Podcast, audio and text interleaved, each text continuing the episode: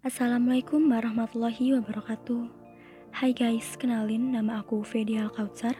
Dari kelas 11 IPA 3 tugas naskah drama bertema thriller dan berjudul Ruang 112 Cerita ini bermula ketika lima orang mahasiswa memiliki rencana untuk pergi berlibur.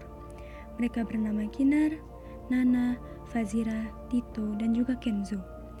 Fazira pun memberi saran ke mana mereka harus pergi untuk berlibur Guys guys, lihat deh, ada tempat penginapan bagus banget, murah lagi, ada diskon akhir tahun gitu. Kinar dan Nana pun menjawab, mana mana. Fazira, ini bagus banget deh, katanya suasana di sana tuh sejuk gitu, deket sama pantai. Wah iya, bagus tuh tempatnya, saut Tito. Kenzo pun menjawab dengan ekspresi ragu. Tapi kok tempatnya kayak kayak bangunan tua gitu ya? Gue nggak yakin deh. Fazira, Iya, ini emang bangunan tua gitu, tapi bagus kok. Gimana, kalian setuju nggak? Keesokan harinya, mereka pun berangkat ke penginapan itu menggunakan mobil Tito. Namun tiba-tiba mobil Tito mogok di tengah jalan yang sepi. Eh, eh, duh, mobil gue kenapa lagi nih tiba-tiba berhenti? Kinar, duh iya mobil lu kenapa nih? Mana jalanan sepi banget lagi. Eh, lihat deh itu di sana ada warung, seru Nana. Tito, oh iya ke sana yuk, betulin mobil gue dulu. Mereka pun pergi ke warung untuk memperbaiki mobil Tito. Beberapa menit kemudian, Tito udah bener belum mobil lu lama banget sih? Muka Kinar menunggu dengan bosan. Tito pun menjawab, udah ini dikit lagi beres. Tiba-tiba datanglah pria berhudi dengan membawa tas besar untuk duduk dan minum kopi sejenak di warung itu. Tas besar itu ternyata tidak tertutup rapat, dan Fazira pun menyadari ada yang ganjal dari tas lelaki itu. Fazira pun bertanya di dalam hatinya, Hah, itu apaan? Kok, kayak jari tangan anak kecil gitu sih? Mana pucat banget lagi warnanya? Karena pria tersebut menyadari ada yang sedang mengamati tasnya, pria itu langsung menutup tasnya rapat-rapat. Dalam hati Fazira, gak, gak mungkin. Pasti tadi gue salah lihat. Tapi masa iya ada anak kecil dalam tas itu? Kenzo pun iseng menyenggol lengan Fazira. Heh, lu lagi merhatiin apaan? Fokus banget kayaknya. Fazira pun menjawab, Hah enggak kok, tadi itu cuma merhatiin kucing yang lewat aja. Tito, guys akhirnya selesai juga nih mobil gue. Yuk lanjut, nanti keburu malam lagi. Singkat cerita, mereka tiba di penginapan itu dan sedang duduk santai di lobi penginapan sambil menunggu Kinar mengambil kunci kamar mereka. Nih guys, kunci kamarnya maaf ya kalian nunggu lama. Kenzo sama Tito kamarnya di lantai 3 nomor 66 yang di dekat tangga tuh. Nah kita yang cewek-cewek ada di lantai 5 nomor 111. Yaudah yuk, langsung istirahat aja biar besok bisa lihat sunrise kita, saut Fazira. Kinar dan Nana pun mengangguk setuju. Mereka pun langsung jalan menuju ke kamar mereka. Dan tiba-tiba di tengah jalan Nana berpapasan dengan pria berhudi yang membawa pisau di tangannya itu. Dan terbesit pertanyaan di benak Nana. Hah? Kenapa pria itu membawa pisau ke tempat seperti ini? Yahlah nggak penting. Kinar, Nana, dan juga Fazira tiba di kamarnya dan asik berbincang-bincang sebentar. Tapi Nana seperti mencium ada bau yang aneh.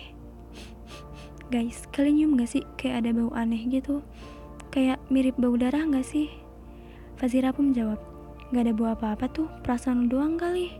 Nana pun bertanya sekali lagi, Ih, masa sih kalian gak nyium? Udah, nggak usah dipikirin, lo kecapean aja mungkin. Tadi kan kita habis perjalanan jauh. Yaudah yuk, tidur aja. Udah malam juga, saut Kinar. Tengah malam pun tiba. Ketika mereka semua sedang tertidur pulas, tiba-tiba ada suara teriakan minta tolong dari kamar 112 yang tepat berada di sebelah kamar mereka. Suara itu membangunkan Nana yang sedang tertidur. Karena Nana penasaran, Nana pun keluar dari kamarnya dan mengintip kamar yang ada di sebelahnya, yaitu kamar 112. Dengan sangat terkejutnya Nana, ternyata ada pria berhudi yang sedang membunuh seorang wanita dan kamar itu sudah dipenuhi dengan darah. Nana pun berbicara di dalam hatinya. Hah? Astaga, pantas aja kayak ada bau darah gitu. Ternyata di sini. Eh, bentar. Bukannya itu pria yang tadi bawa pisau ya? Kenapa dia tega bunuh wanita itu. Nana yang ketakutan pun mundur secara perlahan-lahan. Dan tanpa sengaja, Nana pun menyenggol tempat sampah yang ada di depan kamar pria itu. Nana pun langsung lari dan terjatuh. Pria berhudi itu pun langsung sadar kalau ada yang mengintipnya. Pria berhudi itu pun langsung membawa Nana ke kamar 112 dan mengikat Nana di kursi. Tepat di sebelah kursi yang Nana duduki itu, ada mayat seorang perempuan dengan kondisi yang sangat mengenaskan. Nana berbicara dengan sangat ketakutan. Tolong lepaskan aku, aku janji tidak akan bilang kepada siapa pun.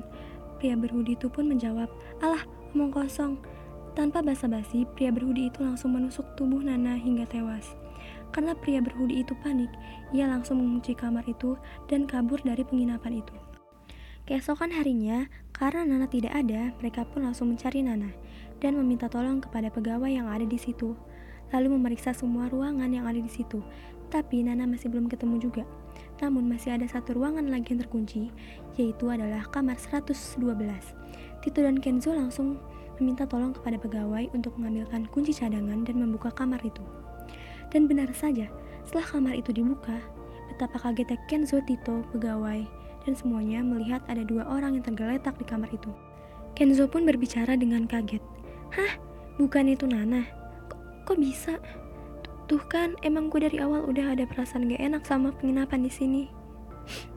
Maaf ya guys, semua ini gara-gara gue. Soalnya gue ngajak kalian ke sini, ucap Fazira. Kenzo pun menjawab dan berusaha menenangkan Fazira. Enggak, ini bukan salah lu. Kita juga nggak tahu kok kalau bakalan kejadian kayak gini. Pegawai penginapan pun langsung menghubungi pihak berwajib. Tak lama kemudian, pihak berwajib pun datang untuk menyelidiki kasus ini dan menangkap pembunuh itu. Ya, pembunuh itu adalah pria berhudi yang sempat melarikan diri. Sontak Fazira pun kaget. itu kan pria yang kemarin gue lihat di warung. Lu pernah lihat, Faz?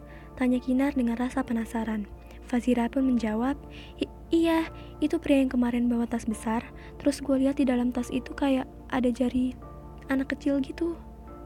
Dan benar saja, setelah diselidiki lebih lanjut oleh polisi, pria itu juga sudah membunuh satu anaknya yang berusia tiga tahun dan istrinya. Nana juga telah menjadi salah satu korbannya. Diduga pria itu memiliki gangguan kejiwaan. Pria itu bernama Marco. Siapa yang menyangka bahwa pria itu adalah pemilik penginapan itu? Seluruh staf karyawan tak pernah menyangkanya dan sudah meminta maaf atas kejadian yang tak pernah disangka-sangka itu. Teman-teman Nana pun kecewa, mereka pun langsung pulang dan membatalkan liburannya karena kasus itu. Tamat. Sekian dari aku. Wassalamualaikum warahmatullahi wabarakatuh.